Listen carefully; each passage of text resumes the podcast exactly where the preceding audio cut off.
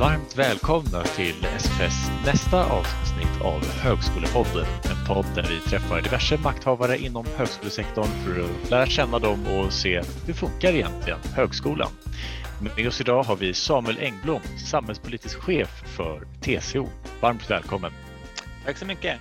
Och eh, det här kommer att vara ett samtal mellan mig, Simon Edström, SFS ordförande och Linn Svärd, SFS vice ordförande och tillträdande ordförande och Samuel då. då. Men Samuel, det är ju faktiskt så här va, att eh, du har ju suttit i våra skor. Du var väl SFS vice ordförande där för ett eh, tag sedan om jag minns rätt. När var det nu igen? 96-97. Så att det är 25 år sedan. Just det, just det. det, det är ju när jag föddes. så det, det, är ett tag sedan. Det är kul hur tiden går. Men eh, den här podden är en del av SFS jubileumssatsning så jag tänker det är kul att börja med det. Vad fick dig att söka till SFS en gång i tiden? Det är så här att jag, jag har väl alltid varit, eh, liksom, eh, haft ett samhällsintresse eh, och så, så, läste jag juridik i Lund. Juristutbildningen är en fantastisk utbildning, eh, jag kan inte säga något annat. Du får lära dig alla detaljer om alla system i samhället i stort sett, men inga sammanhang om jag ska, vara, om jag ska överdriva bara lite grann. Och har man då ett samhällsintresse då måste man komplettera det här på något sätt. Och det fanns det ju stora möjligheter till i Lund. Dels fanns det en massa studentföreningar som höll på med olika saker, men så fanns ju också kårpolitiken. Och eh, det som var roligt tycker jag, dels alltså utbildningspolitik är ju viktigt. Det är liksom en viktig fråga. Det finns massa intressanta frågeställningar, eh, teoretiska, principiella frågeställningar i utbildningspolitiken. Det som är roligt med kårpolitik är ju att du också får göra någonting ganska praktiskt kring det där. Du kan faktiskt påverka i praktiken. Jag tänker kanske en del som lägger lägger huvuddelen av sina engagemang i politiska ungdomsförbund och sånt, där kan det nog ganska vara mycket teori och principer. Men kårpolitiken kan ju vara så extremt praktiskt. Liksom, hur ska vi hantera just den här situationen som nu har uppstått på, liksom, på min institution, på min fakultet, på mitt lärosäte eller nationellt? Och det där lockar lockade mig, det här resultatinriktade i kårpolitiken också. Så att jag var kåraktiv i Lund, jag satt i styrelsen för Lunds studentkår. Eh, jag var med och la ner Lunds studentkår. Eh, jag satt faktiskt i det första fullmäktige i juridiska föreningen när de blev kår också. Och sen så kom jag in i SFS styrelse 95-96 och efter ett år i styrelsen så blev jag vice ordförande då 96-97. Eh, jag blir väldigt nyfiken här Samuel. Nu fick vi lite kuriosa, men har du något så här extra eh, roligt minne från din tid, antingen på SFS eller din tid vid eh, Lunds studentkår? Ja, alltså Lunds studentkår var väldigt speciellt, alltså att just det här att, att vara det är ju inte bara Lunds studentkår, det är Akademiska föreningen, det är det här stora huset är den Akademiska föreningen. Där kan man hitta på en massa dumheter som innebandy mitt i natten och bastu på taket och sånt här. Men sen var det sådana här konstiga saker att man då fick, alltså just på vad det är man lär sig som kåraktiv, att man fick en ganska bra duvning i offentlighetsprincipen när det plötsligt var någonting som, någon, som jag kommer ihåg att juridiska fakulteten skulle gå in och de hade några idéer om andra antagningskriterier. Och då ville vi liksom undersöka vad det där var och begära ut de handlingarna. Det var ju liksom praktisk konstitutionell rätt. Eh, jag kommer ihåg när jag skulle bli SFS, när jag hade blivit vald till SFS, jag åkte med mina föräldrar på semester och satt och läste budgetpropositioner eh, under en sommar där för att liksom förstå hur det systemet fungerar. Att det här att man Alltså att man lärde sig väldigt mycket. Jag brukar säga till folk att jag tror att eh, en väldigt bra grej med studentpolitik, det är de här färdigheterna. Alltså allt det här snacket om att ja, men du, det är bra, man lär känna folk, man får kontakter. Ja, men kontaktnät, det kan man skaffa sig. Det är jätte, och Sverige är ett litet land och du kan alltid ringa folk. Liksom. Men just de här färdigheterna, så att så 22-åring som kan läsa ett regleringsbrev, det, det, det sker bara där, det sker ingen annanstans. Ja, men jag sitter här och fnittrar för mig själv för att jag känner igen mig i det där. Jag blir helt så här, åh, eleven har kommit fantastiskt. Nu ska vi se vad kommer hända i svensk, framförallt då med politik eller högre utbildning utbildning? Vilka uppdrag får vi? Så att, ja, jag vet inte om så mycket har hänt på de här 25 åren. Nej, men det är väl det, alltså förvaltningssystemet är ju detsamma så, på de här 25 åren, så där har det inte hänt. Sen har det hänt massa andra saker, men kanske de delarna är ganska lika. Men låt oss titta på någonting då, om det är så att vi ser någon förändring. Jag har ju jobbat, i alla fall nu, eh, med breddad rekrytering och breddat deltagande och ofta så kommer just social snedrekrytering på tal. Och vi jobbade med det på din tid och vi jobbar med det idag. Men vad skulle du säga, har det försämrats eller förbättrats? Ja, hur ser det ut? Alltså det, det där har ju liksom alltid varit en av de stora frågorna eh, i studentrörelsen. Och jag minns att i början på 90-talet så kom det, dels kom det ny forskning och dels kom det en stor tjock SOU om det där eh, som vi läste, kommer jag ihåg, framlänges och baklänges. Så jag tror att det var en kombination av att det här att det var ett väldigt intressant ämne och det var viktigt för det vi höll på med som studentpolitiker, men också för att det för många av oss var en förklaring av vilka vi själva var, var vi kom från och hur vi hade hamnat där vi hade hamnat. Liksom. Nu fick vi grafer som visade vilka vi var. Och så här. Så det var, det var liksom det dubbla sökandet. Liksom. Det var både en, ett viktigt liksom, politiskt dokument och en viktig bakgrund och någon sorts generationsroman liksom, med, med vem vi var.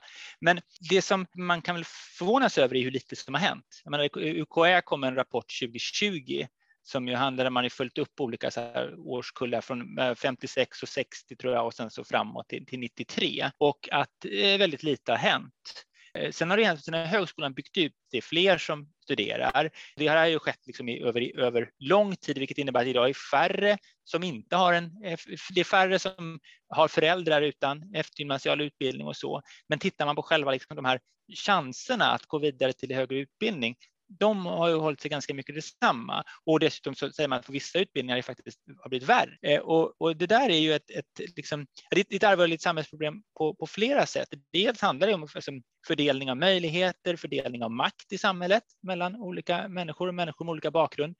Eh, men också det handlar om kvaliteten på utbildning, det handlar om kvalitet på forskning, det handlar om kvalitet på, på yrkesutövning.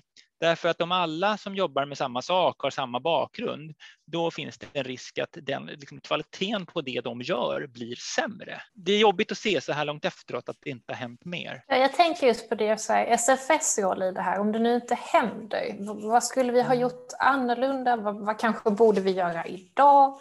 Har du några tips där? Alltså, en del av svårigheten är väl att mycket av det som liksom ligger till grund för den sociala snedrekryteringen, det ligger ju innan högskolan. Det ligger inte i högskolepolitiken. Högskolepolitiken kan göra vissa saker. Det handlar ju om studiefinansieringen är ju givetvis en sån sak. Vägledning en annan. Eh, antagningsregler eh, är en, liksom, en tredje sak. Eh, och också givetvis så högskolans arbete med rekrytering. Hur, hur kommunicerar högskolan med det omgivande samhället? Liksom, vad, vad är det för, om en högskola tar ut annonser i stora dagstidningar, vad, vad är det de visar där? Är det någonting som inbjuder sig? Hur uppfattar olika människor det de ser där. Är det här någonting för mig? Alltså där finns ju saker som man kan göra på högskolans område. Sen vet vi att vi har ett problem att skolan blir allt mindre likvärdig, att det liksom är, vi ser ökad ojämlikhet i skolan. Föräldrarnas bakgrund betyder mer och mer även på grundskolan och gymnasieskolan. Och det där är ju någonting som riskerar att förvärra situationen på sikt. Dessutom tror jag att det kan sätta en del press på högskolan också. Därför att om vi, om vi tar en sån här fråga som betygsinflation på gymnasiet, det, det är klart, då, då, det, det säger du, okej, okay, då måste vi, ha, vi måste korrigera för det på något sätt. Då kanske vi måste ha allt andra antagningsformer. Ja, men vad är, vad är det? Då måste vi analysera de antagningsformerna utifrån vad de får för effekter på, på den sociala snedrekryteringen. Och, och ju snårigare vi gör antagningssystemet, desto mer har man ju det här behovet av att förstå hur systemet fungerar. Jag, menar, jag, själv, jag är så pass gammal nu att, att, att jag har haft ändå en del möjlighet att ibland ge råd till yngre personer på väg in. Och har du inte, alltså, eh, och försöka vara, precis, man försöker vara den här liksom, eh, eh, medelklasspersonen eller insider i systemet, extrem insider i systemet som kan hjälpa människor att förstå hur de ska navigera. Och det där är jag lite orolig för, att gör vi liksom, måste man börja vara listig för att komma in på den utbildning man vill komma in på. Liksom känna till att om jag läser de där kurserna först så kan jag komma in på en senare termin och sånt där. Ja, då tror jag att vi riskerar att förvärra problemet. Och där har vi någonting verkligen att se upp med, tror jag, liksom, det här övergången mellan gymnasium och, och, och, och högskola. Verkligen, jag tänker mig att studie och yrkesvägledningen där är otroligt viktig. Jag tror många av oss ser verkligen fram emot vad den rapport, eh, slutrapport som UKÄ kommer komma med inom det uppdraget som just den tematiska utvärderingen om bredare rekrytering kommer visa. Eh, men jag tänker fortsätta prata om samhällspolitiken alldeles strax och, och eh, din roll på TCO och så där. Men du satt ju på eh, SFS och var vice ordförande när SFS fyllde 75 och nu i år fyller vi ju 100. Jag tänker, var det några liksom påtagliga skillnader i organisationen mellan då och nu? Man kan väl säga att vad gäller själva firandet så kunde vi ju ha en stor fest fysiskt. Det är ju en skillnad mellan 75 och 100 år, men det beror på helt andra saker. Så här, när jag kom in liksom i SFS där 95, 96, och mitt första fullmäktige var 94. Då kan man säga att då hade organisationen precis krympt kostymen en del, för att innan dess så fanns det liksom så kallade sektioner, så det fanns liksom en utbildningssektion och en teknologsektion och sånt där. Så vi satt till exempel med alldeles för stora lokaler vid Sankt Eriksplan, det var bara massa korridorer. Så vi flyttade, eh, vi fick byta lokaler till mindre lokaler Eh, på, på den här um, bron över Kungsholm, högst upp i ett torn där de precis innan oss hade de spelat in Sveriges första dokusåpa, Real World Stockholm där. Så vi fick alltså ta över de lokalerna. Vi behöll golfhålet i hallen som en del, liksom som en rolig grej. Då, då var det krympa organisationer och fokusera den. Men då hade vi, vi hade fortfarande kårobligatoriet. Eh, vi hade ganska höga medlemstal i kårerna då av den anledningen och de allra flesta kårer var med. Var, Stockholm var inte med då. Det var diskussioner om Uppsala, så en del, av, en del var ju att hålla ihop organisationen givetvis. En stor fråga på 90-talet, det var ju alltså högskolans utbyggnad. Alltså 90-talskrisen mötte man eh, med bland annat att bygga ut högskolan och då var ju också frågan om nya universitet upp och det var ju det som sen ledde till då att, att Örebro, Karlstad och Eh, Växjö blev universitet. Och det där var ju någonting som skapades. Det fanns ju slitningar i organisationen kring det. Det var en kontroversiell politisk fråga, både liksom i, i, här, i den vanliga politiken och internt i studentrörelsen, hur man såg på den, den utbyggnaden och vilka kriterier som skulle välja. Det var mycket diskussioner om, om kritisk massa för forskarutbildning och sådana här saker som, som jag tror som ni säkert känner igen, för det finns ju diskussion nu om de, de liksom universitets, eh, man gett universitetsstatus på senare år, så där stämmer det ganska, liknar väl lite. Eh, sen kan man säga att en, en, om jag ser på vad vad ni gör, saker som jag har sett att ni gör, som vi inte pratar så mycket om, så är det ju det här med studenters psykiska hälsa. Det fanns väl liksom lite grann som en fråga på eh, 90-talet. Jag vet att det dök upp lite i Lund att man upptäckte att på vissa utbildningar var mådde studenterna sämre, men det var inte alls den typen av fråga som det har blivit sen och som jag vet att, att det är nu. Och det handlar om att man pratade mycket mindre om sånt i samhället på den tiden jämfört med vad man gör idag. Verkligen, det är ju vår mest högst prioriterade Eh, fråga precis eh, nu. Det är ju en intressant skillnad, men det, det, är ju också som du säger att många frågor kommer igen och nu senast så finns det ju ett eh, regeringsuppdrag till just UKÄ som ska ta fram parametrar för vad ska vara högskola och vad ska vara universitet. Det är väldigt intressant att se och höra. Men jag tänkte vi skulle gå vidare lite till din nuvarande roll och eh, Samuel, du är ju samhällspolitisk chef på Tjänstemännens centralorganisation om jag eh, minns rätt. Och jag tänkte fråga vad innebär det lite och vad är TCO? Och har du eller ni kanske några allmänna kommentarer till samhällspolitiken idag? Mm. Vi kan börja med vad TCO är, för det är lite spännande. Vi, ja, TCO är Tjänstemännens centralorganisation, så vi är ju en paraplyorganisation för tjänstemannafack och det är ju då sådana som eh, ja, Unionen och Vision och fackförbundet SD alltså, som, som eh, organiserar eh, tjänstemän. Så det är ju ehm, eh, jag säga, människor som jobbar i kommuner, i stat, ingenjörer, webbutvecklare, eh, sjuksköterskor, lärare, journalister, poliser, tullare. Liksom den ganska, traditionellt har det varit så här, kärnan i den breda svenska medelklassen. Det, det är vad vi eh, organiserar. Det som är intressant tror jag ur ett studentpolitiskt perspektiv vad gäller TSO, det är ju att om vi går tillbaka ganska många år så kan man väl säga så här att då LO, LO organiserade personer som hade gått ut grundskolan men som inte hade gymnasium. TCO och många förbund, där var det ett krav på gymnasieutbildning, men inte nödvändigtvis på högskoleutbildning. Sen var det en del av de eftergymnasiala utbildningarna som många TCO hade, till exempel lärare och sjuksköterskor, var ju inte högskoleutbildning. De var inte en del av högskolan på den tiden. Eh, Medan då Saco var ju de som hade en högskoleutbildning. Sen har ju arbetsmarknaden förändrat, kompetenskraven har höjt, vilket gör att idag, om man tittar man på inträdet i TCO-förbunden, så är det ju i, i framför allt i de liksom offentligförbunden, de som organiserar folk i offentlig sektor, där krävs ju i praktiken en högskoleutbildning. Och en del av dem har, liksom har blivit en del av, den, av högskolan. Alltså, vårdutbildningarna blev ju en del av den statliga högskolan så sent som på 90-talet. Så där har det skett en utveckling av utbildningssystemet och av samhället som verkligen visar sig mycket i TCOs medlemsgrupper. Och det gör också idag, att TCO-förbunden har idag lika många medlemmar som LO-förbunden. Och det är att arbetsmarknaden, det är så lätt att tänka sig sån här som en pyramid där man har, det är mycket arbetare i botten och sen kommer det liksom lite så här mellantjänstemän och så några akademiker på toppen. Men så ser den inte ut, utan den är liksom mer en boll som är väldigt tjock på mitten. Nej, det är ganska komiskt, för det är den bilden jag går in med. Alltså så här rent undermedvetet, att det är den här pyramiden, men som du säger, det är ju mer av en boll. Ja. Härom året var faktiskt den första gången som en majoritet av de sysselsatta i Sverige har eftergymnasial utbildning. Och det där har gått ganska fort. Alltså man kan se att det är många, bland de som går i pension så finns det ju faktiskt fortfarande många som inte har, som bara har grundskoleutbildning, som inte har någon, inte ens har en gymnasial utbildning. Och så är det då många som, som har eh, en, en gymnasial utbildning och så efter, så man kan säga att skulle man titta på de, på de senaste 30 åren kan man säga att det är ungefär lika många som har gymnasial utbildning på arbetsmarknaden. Men förgymnasial utbildning, den har gått ner och eftergymnasial utbildning har nu gått upp då och blivit den största kategorin. Eh, och då är det också skillnaden att idag är ju att du går klart gymnasiet i inträdesbiljetten på arbetsmarknaden. Eh, det är det du måste ha gjort för att få jobb i ett LO-yrke. Medan, eh, eh, och, in, och vi går vi tillbaka liksom 40 år, då var det kanske inträdesbiljetten till ett TCO-yrke i många fall. Idag är det då istället att, att ha en, en eftergymnasial utbildning, att ha en, en högskoleutbildning. Så att det, där har ju förändrats. Så TCO har också varit en organisation som har hela tiden har drivit på för att bygga ut utbildning. Jag kan säga ibland är det gräns.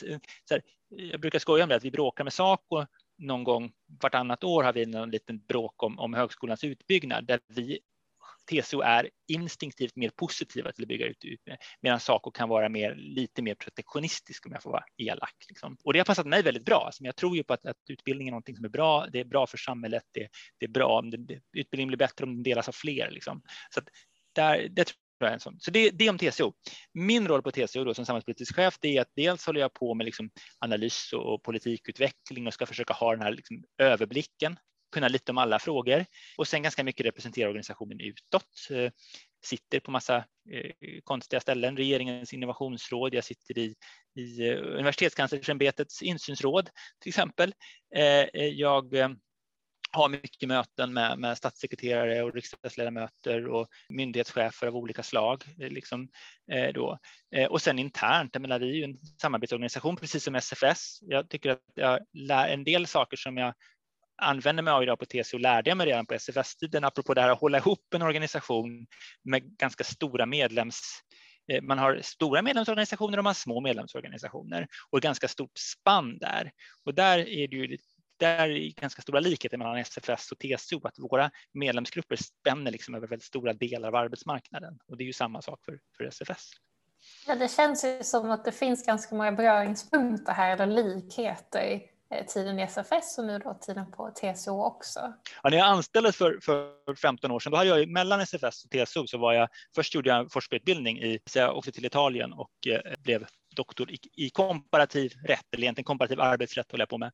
Eh, och sen jobbade jag som, jag jobbade på ILO som är FNs arbetsmarknadsorgan och jag var på gamla AMS, alltså det som nu är Arbetsförmedlingens huvudkontor. Men sen när jag kom till TSUR 2006 så tryckte jag jättemycket på det i min ansökan dit, att, att eftersom från SFS så hade jag ju e-, e-, erfarenhet av en liknande organisation. Jag vet inte om det var det som gjorde att jag fick jobbet, men jag tycker att sen efter att jag fått det jobbet, att jag har haft nytta av den typen av liksom, den här förståelsen för en samarbetsorganisation och vad den är. En fråga som eh, jag har uppfattat att TCO driver väldigt mycket, det är ju väl det här att arbetsmarknaden förändras allt snabbare. Du var ju lite inne på men min uppfattning är väl att i framtiden så kommer vi byta jobb ganska många gånger under yrkeslivet. Det kanske inte är som i dagsläget om man bara får en grundutbildning och så är det den man ska stå med hela livet. Och det här innebär väl både stora möjligheter för arbetsgivare och arbetstagare men också kanske en del utmaningar. Vad ser ni på TCO att det behövs för ny politik för att möta det här? Fundera lite på vad, vad det är som verkligen sker på arbetsmarknaden. Eh, det finns ett, en berättelse om att arbetsmarknaden förändras jättesnabbt. Och det är en väldigt attraktiv berättelse för ganska många, inklusive intresseorganisationer, därför att det visar att nu händer det saker och nu måste vi agera. Men man skulle också kunna säga att, att arbetsmarknaden förändras, det är inte nödvändigtvis något nytt. Eh, utan det har vi sett, det är, hela 1900-talet är ju en, liksom en berättelse om strukturomvandling och inte minst då högskolans utbyggnad som sätter fart andra halvan där är ju en del av den, den liksom omvandlingen.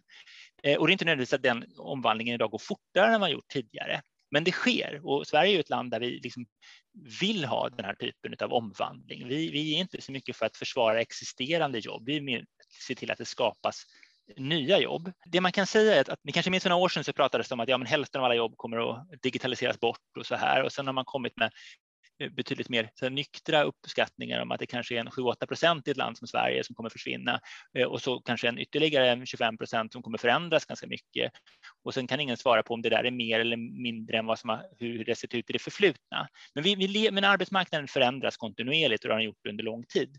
Och det vi kan se då bland våra förbundsmedlemmar, som ju är då liksom dagens studenter, deras liksom kommande verklighet, det är att framförallt kanske arbetets innehåll som förändras och kompetenskrav höjs och man får en annan, ett annat innehåll i arbetet snarare än att, att jobb försvinner helt och hållet. Och det här gör ju då att det kommer att ställas krav på att man genom arbetslivet lär sig nytt hela tiden. Och det är ju någonting som vi också sett, men i Sverige har ju varit väldigt duktiga på, vi har varit duktiga på vuxenutbildning och på liksom det här ändå att, att, ha, att det ska finnas möjlighet att fylla på med kunskap senare i livet och sånt. Det som kanske är nytt är att nu berör det här högskolan på ett helt annat sätt. Som jag sa innan så nu är då hälften av alla på eh, arbetsmarknaden, mer än hälften av alla på arbetsmarknaden har eftergymnasial utbildning. Det innebär också att det är på den nivån som de måste fylla på med kunskap när deras kunskap börjar bli föråldrad. Och det tror jag kommer påverka högskolan väldigt mycket. Eh, ah, eh, det finns ett, det finns ett mantra, mer utbildning i arbetsmarknadspolitiken, mer arbetsmarknad i utbildningspolitiken som regeringen kör med en hel del nu. Det var jag som hittade på det. Sen tog min dåvarande chef Eva Nordmark över det och sen flyttade hon till regeringen. Och nu har jag suttit i möten liksom där tre olika statsråd har använt det där. Och det är givetvis det är en mantra, det är ett floskel, men det säger ändå någonting att, att så arbetsmarknadspolitiken eh, som ju då det som gör att människor Eh, som är arbetslösa har svårt att få jobb. Det handlar ofta om att de har inte den kompetens som krävs för de jobben som, som, som finns på arbetsmarknaden. Därför behöver man mer utbildning i arbetsmarknadspolitiken. Sen mer arbetsmarknads och utbildningspolitiken, ja, det handlar ju om det här om att ja, men, eh, utbildning måste vara relevant, men också om vi tar på högskolan då, att, att arbetsmarknaden tror jag kommer komma in mycket mer. Alltså människor från arbetslivet kommer i högre utsträckning komma tillbaka till, till högskolan och av två skäl. Det ena är att det behövs därför att som jag sa, ska man fylla på så är det ju på den nivå man har studerat tidigare eller ovanför den. Och det andra är att vi nu kommer också få då eh, efter att arbetsmarknadens parter kommer överens större möjligheter för människor som har varit ute i arbetslivet att återvända till högskolan. Jag hade tänkt att vi skulle komma in på den eh, utredningen just och den överenskommelsen. Men, men först hade jag tänkt att bara ställa en förfråga. Du säger det att liksom, du, du kom på det här mantrat och ja. att det är ett mantra som regeringen använder. Men finns det inte en risk att man då mer och mer ser högre utbildning bara som ett arbetsmarknadspolitiskt verktyg och att hela syftet med högre utbildning vänds från att vara någonting kanske större och eh, syftet är liksom för, för individen att stärka sig oberoende om det är för arbetsmarknad eller för andra syften och att det blir mer och mer enbart liksom instrumentellt verktyg för att fylla platser i eh, industri och välfärd? Alltså, tror, först får man nog ha klart för sig att, att givetvis, alltså, även den högre utbildningen är ju givetvis ett arbetsmarknadspolitiskt verktyg. Därför att det handlar väldigt mycket om att utbilda människor som vi behöver i arbetslivet. Vi behöver lärare, socialsekreterare, ingenjörer, eh, läkare, eh, sjuksköterskor, liksom, poliser, allt sånt. Va? Eh, och det är klart att det, och det kommer man liksom aldrig ifrån, att det är ju ett väldigt viktigt syfte för den högre utbildningen. Eh, sen så vill ju vi också att, att människor när de studerar ska, liksom, det handlar, en del av utbildningen handlar ju om att lära sig att, att analysera och reflektera kring det du ser, det samhälle du ser omkring dig, förstå vad det är du gör. Eh, och det, jag menar, det, det här är en diskussion till exempel på de tekniska utbildningarna. Om vi tar, jag tänker sånt som du håller på med Simon, där är det ju det här med etisk AI och så här att du måste liksom förstå, du måste förstå de samhälleliga konsekvenserna av det du gör. Så jag tror att det där är ingen, det finns inte nödvändigtvis en motsättning i det. Det, det tror jag är det liksom första. Sen så ska vi komma ihåg att, att, att jag menar, Sen får man tro att man får skilja på lite olika saker. Dels har vi så här, eh, så utbildning på grundnivå, som den här första gången du går in i, på högskolan. Den eh, tror jag är, där är det ju, den ska ju också för, den ska ju givetvis förbereda dig för arbetslivet, det är därför de allra flesta är där eh, och också ge dig de här andra färdigheterna. Sen är det det här med mer av återkommande utbildning.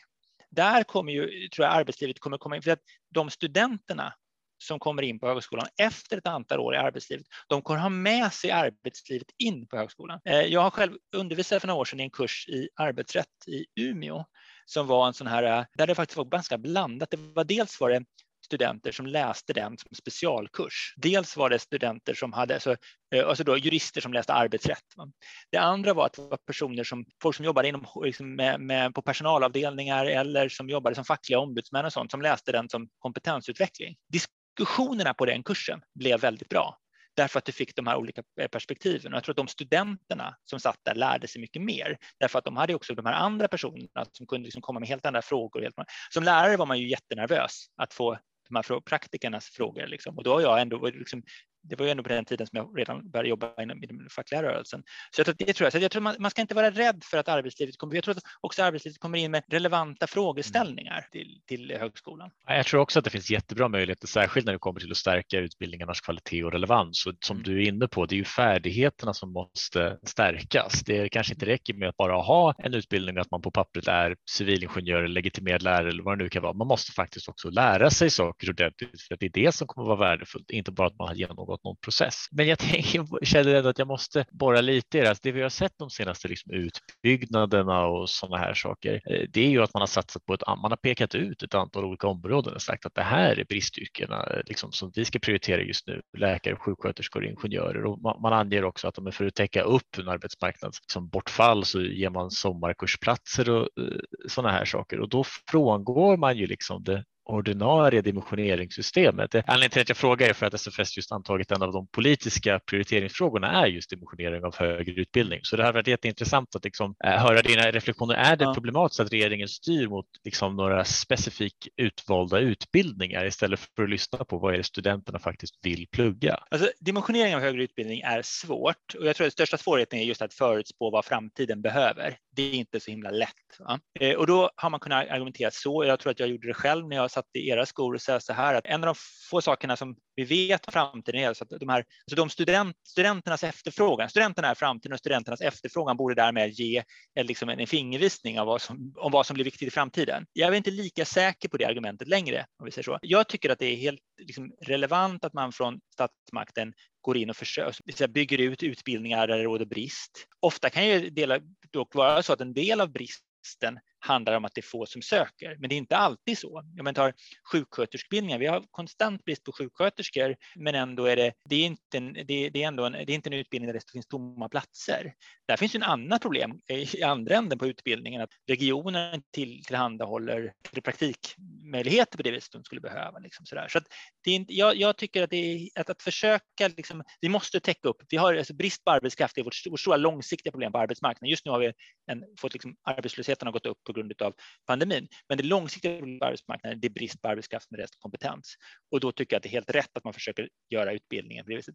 Sen är det inte så lätt att styra studenter då och då tror jag man måste börja mycket tidigare. Tycker man att man för få söker till tekniska utbildningar eller för få söker till vårdutbildningar eller för få blir lärare, då måste man ju jobba med dels innan och dels efter. Det vill säga det måste se till att, att, elever är intresserade och får en bra utbildning i de ämnena som vi tror blir relevanta. Och sen måste vi se till att det villkoren i de här yrkena är så bra att folk vill ha dem. Högskolan kan inte göra jättemycket där egentligen. Man kan se till att utbildningen är utformad på ett sätt som gör att få hoppar av till exempel. Det kan man göra, men det är ändå liksom ofta det är ändå lite grann på marginalen som ligger inom högskolans område för att se till sånt. Jag tänkte Simon här, du nämnde ju också partsöverenskommelsen och vi ska gå in lite på mm. den och kanske vad den eventuellt innebär. Kommer det bli någonting av det och kanske lite varför den har kommit upp? Svenskt Näringsliv och PTK som är då privat, tjänstemannakartellen kallades innan, som är alltså en sammanslutning av Saco och TCO-förbund i privat sektor, medlemmar i privat sektor. Eh, de gjorde ju upp då här före jul om eh, dels om då förändringar i lagstiftningen kring anställningsskyddet och även då om en beställning till politiken på bättre möjligheter till omställning. Och man kan säga att vad det handlar om här, det är ju en, det är att man, man köper och säljer. Det finns sedan tidigare omställningsavtal som är rena kollektivavtal där då vi från fackligt håll har, gör att, säger att arbetsgivaren får välja mer fritt vilka som ska sägas upp vid en arbetsbristuppsägning, alltså när man behöver göra en nedskärning och omorganisation. I gengäld får de som blir uppsagda bättre möjligheter till omställning. Dels bättre ekonomi, man får liksom a-kassan toppas upp och dels möjligheter till exempel till studier. Eh, vad man gör nu är att man gör det här liksom ännu större, ganska mycket större. Så att då gör man vissa förändringar i lagstiftningen vad gäller anställningsskyddet. Eh, några av dem innebär att det kan i vissa situationer bli lättare för arbetsgivarna att säga upp. Andra betyder, stärker eh, arbetstagarnas ställning. Då. Eh, å andra sidan så får då de, de arbetstagarna bättre möjlighet till kompetensutveckling och inte bara när man blir uppsagd. Och en stor del här då, det är det här nya studiestödet som ska införas och där vi väntar nu på ett förslag som ska komma här under andra halvan av maj troligen från regeringen. Det innebär då enligt den här överenskommelsen mellan PTK och Svenskt Näringsliv och som sen IF Metall och Kommunal också har klivit på då, innebär att en person som arbetat åtta år ska ha möjlighet att studera upp till motsvarande två terminers heltidsstudier med en, ett studiestöd som motsvarar 80 procent av deras tidigare lön. Eh, upp till 4,5 basbelopp. Sen känner man mer än det så finns det då, eh, då kollektivavtal eller kompletteringar som gör att du faktiskt får det. Så det är ett väldigt generöst studiestöd eh, och det innebär egentligen två saker. Dels så kommer det ju vara personer som kanske säger att du har jobbat som undersköterska, börjat jobba när du är 19 som undersköterska. När du är 27 år, då får du en möjlighet att pröva på till exempel högskolestudier under ett år med 80 procent av din tidigare lön. Eh, om du då, det kan ju innebära att personer som kanske tidigare hade varit i ett läge där det är svårt att gå ner på studiemedel. Du kanske har skaffat familj, du har köpt ett litet radhus någonstans med ett bolån på. Då har du plötsligt möjligheten att antingen prova på högskolestudier, känna är det här någonting för mig? Jag kan läsa ett år. Eller beroende om det finns då kurser, det kan ju vara kurser inom yrkeshögskolan som också som är ett år långa, att du faktiskt då kan växla upp din kompetens kompetens eller du kan, du kan byta bana eller någonting. Och det är en ganska stor frihetsreform för många människor och framförallt, vi pratade tidigare om social snedrekrytering. Det här kan ju verkligen vara en chans för människor som så tidigare i livet har valt att inte gå vidare till högre studier och då finns den här möjligheten.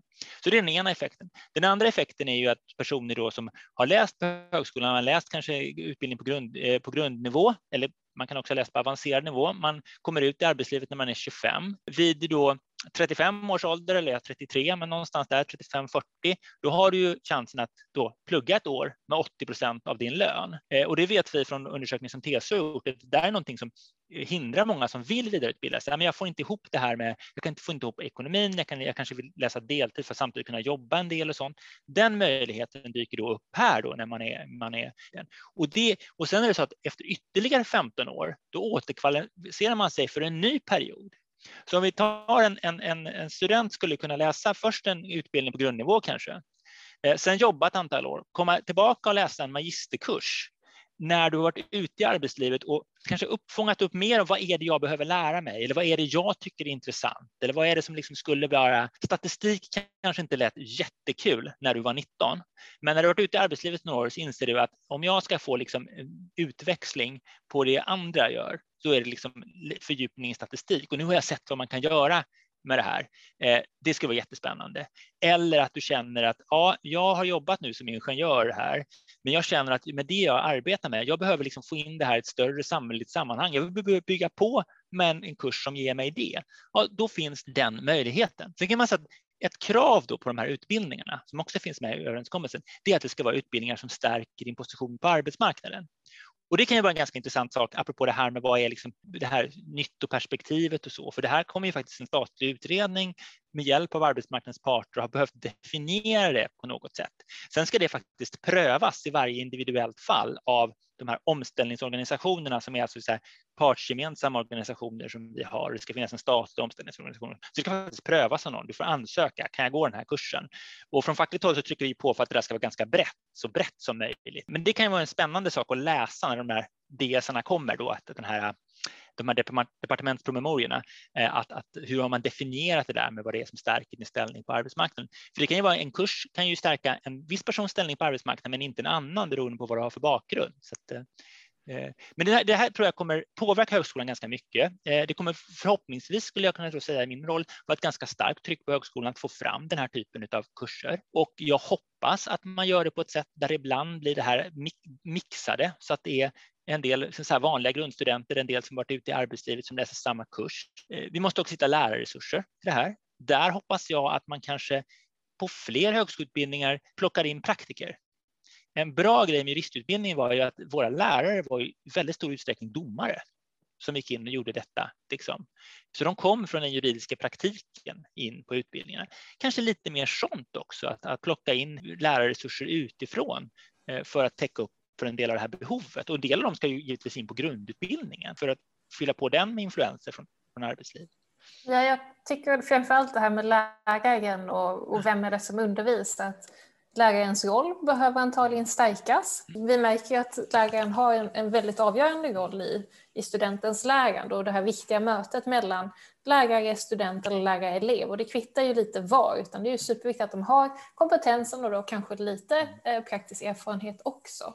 Simon, jag tänkte, hade du också någon fråga. Jo, men det är jätteintressant att höra om den här partsöverenskommelsen och det känns ju som att den kommer påverka högskolan i ganska stor omfattning, både kanske när det kommer till utbildningsutbudet, kanske även tillträdesreglerna. Visst är det arbetsgivarna som ska betala för studiestödet.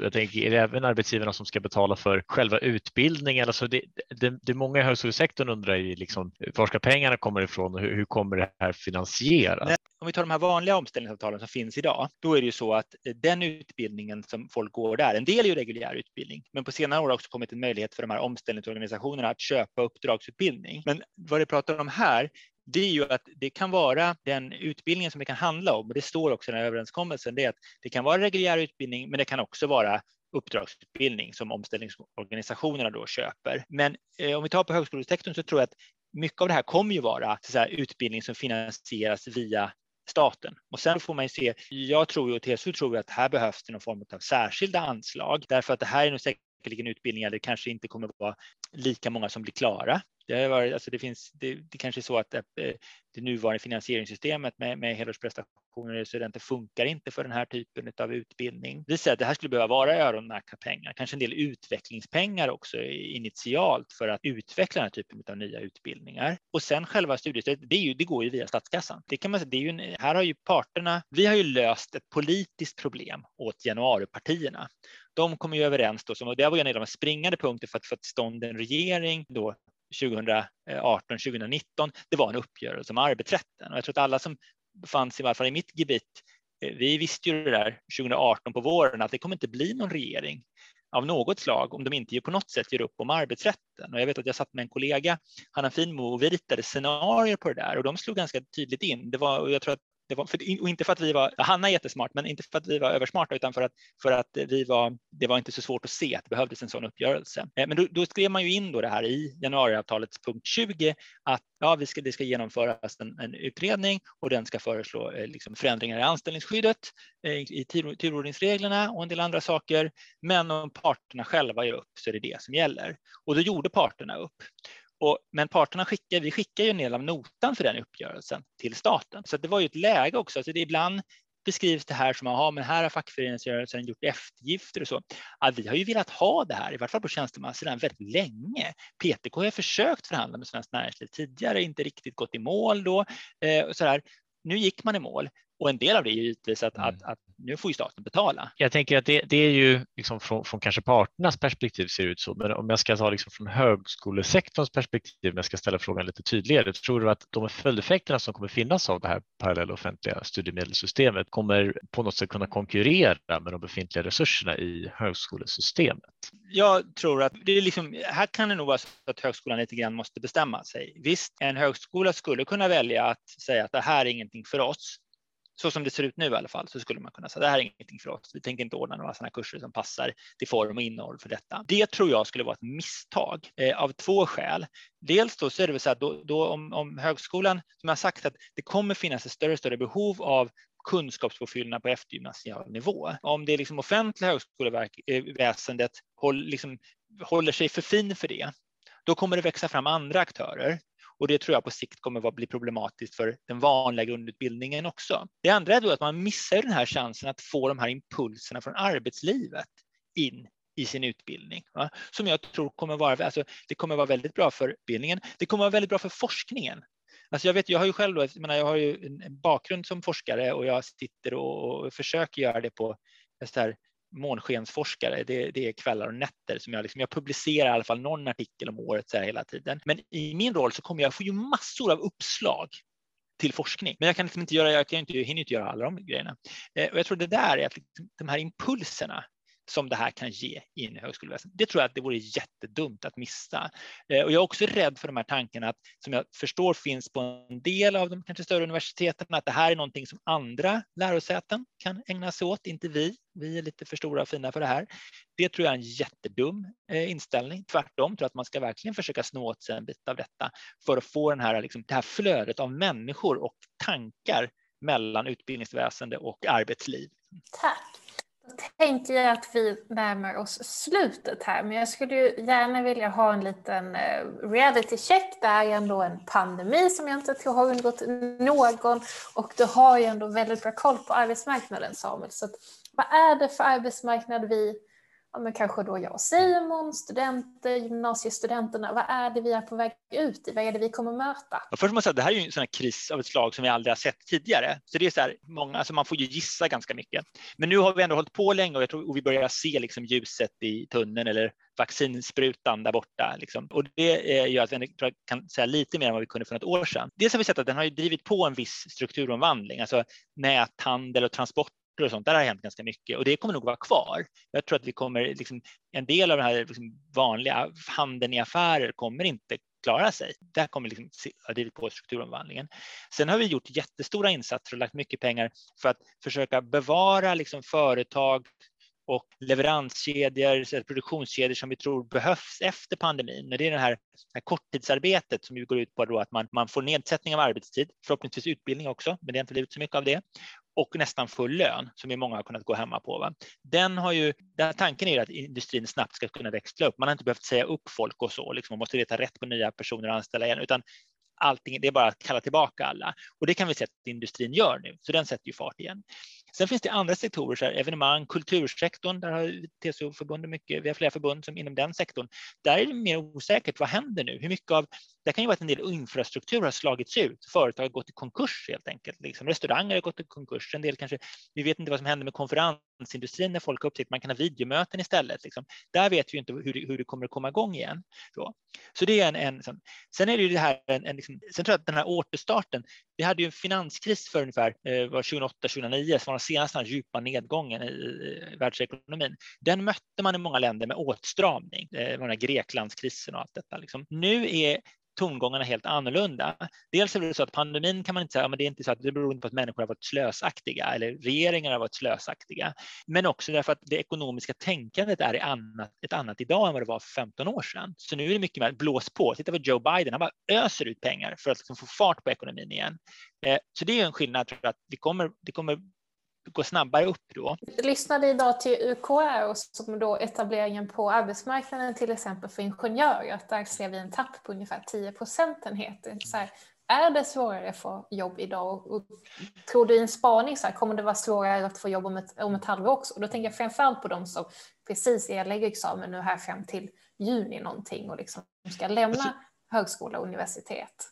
De som går ut nu, där kan man nog tänka sig att det för en del kommer vara svårare. Alltså att företagen, som jag säger, att man har ju hållit på att gå tillbaka från de här korttidsarbetet så att man har kallat in de som har varit suttit hemma eller som har jobbat deltid så de går upp på heltid och så tar det kanske ett tag innan man börjar nyanställa. Så det, och därför tror jag att precis de här som har gått ut precis nu, då kommer det vara svårt. Men tittar vi på hur, vad man ser framöver, om något år eller så, så borde mycket av det här vara upp, uppätet därför att återhämtningen går så fort. Sen är det klart att, att det man kan fundera på, nu har vi haft det här med, vi har haft kontorsyrken, mycket av distansarbete. Då, det vet vi inte i vilken omfattning det kommer ske när vi kommer tillbaka. Det kommer få effekter på arbetsmiljön. Hur ska man göra med nyanställda till exempel? Alltså du kommer komma till en arbetsplats där hälften av dina kollegor sitter hemma och jobbar fortfarande. Du träffar inte dem. Liksom. Det är ett stort arbetsmiljöexperiment vi har gjort och jag är rädd att en del organisationer kommer fortsätta det. Men det var jättebra att jobba hemifrån. Ja, men vad händer med arbetslaget? Vad händer med gruppen? Vad händer liksom med organisatoriska och sociala arbetsmiljön? Så, vad händer med jämställdheten? Vilka är det som kommer använda den här nya eh, flexibiliteten? Det vi vet eh, från tidigare är att flexibilitet i arbetslivet används på olika sätt av kvinnor och män. Kvinnor använder flexibilitet i högre utsträckning till att få ihop livspusslet och se till liksom att man kan hämta och lämna så här. Män använder det för att jobba mer och för liksom, eh, är det så att männen kommer att åka till kontoret och nätverka och göra karriär medan kvinnor kommer se det här med jätteskönt att kunna jobba hemma. Vad kommer det betyda på sikt? Det är en sån här grej som man måste ha ögonen på. Liksom. Och det här gäller ju även inom högskolan, kanske inte, inom, inte minst inom högskolan, där det nog många kan tycka jätteskönt att kunna sitta hemma och jobba och så där. Men vilka är det som åker tillbaka till institutionen? Vad kommer det betyda för deras liksom, karriärer och sånt? Det tror jag man ska liksom, järnkoll på, nästan rä stå och räkna folk för att, liksom, om man vore prefekt för att förstå vad, vad, vad, liksom, vad finns det för mönster i detta. Så den typen av liksom, förändringar kommer att ha skett. Och där, där tror jag att just för människor som kommer ut i arbetslivet så kan det bli en lite annorlunda situation, att, att folk inte är där på det sättet som de var tidigare. Jätteintressant. Tack så mycket Samuel. Det är väldigt många framåtblickande kast. Det känns ju verkligen som att eh, vi är på kuspen av en ny tid. Det säger vi ju väldigt ofta, men nu känns det som att det faktiskt är på riktigt att eh, vi kommer se stora förändringar framöver. Eh, finns det någonting avslutande som du verkligen kände, det här måste vi få in eller prata om? Nej, alltså jag har ju talat mig varm för det här med att vara liksom engagerad i, i studentkårer och studentföreningar och så. Eh, jag tror att det är ett Dels är det roligt medan man gör det, så är det roligt och viktigt medan man gör det. Det tror jag man ska liksom ha. Det är både, både viktigt och roligt. Och sen så tror jag att man lär sig en massa saker som man har nytta av sen. Men det ska inte, det senare är inte det kanske man primärt ska tänka på, utan man ska tänka på att man gör nytta för det gör studentrörelsen. Alltså det, det, den är jätteviktig för kvaliteten i utbildningen och för studenternas perspektiv. Och för, så det, det, för det kommer ingen annan ta det perspektivet. Liksom. Det, liksom, det, är viktigt det ni gör här och nu och det är förhoppningsvis roligt också, hoppas jag. Det, och den, ibland när man lagt lite för mycket tid på det där och det kanske inte är, känns lika kul längre, då kan man också tänka på att det här är nyttigt i längden även för mig. Ja, och med de orden så får vi tacka dig Samuel så hemskt mycket för att du var med på vår eh, avsnitt av Högskolepodden. Eh, alla avsnitt kommer att finnas tillgängliga på sfs.se att eh, höra och lyssna på i efterhand. Och med det så får vi väl säga stort tack Samuel och så hörs vi mer framöver. Tack, tack. Tack för att fick vara med. Ansvarig utgivare Katarina Mattsson.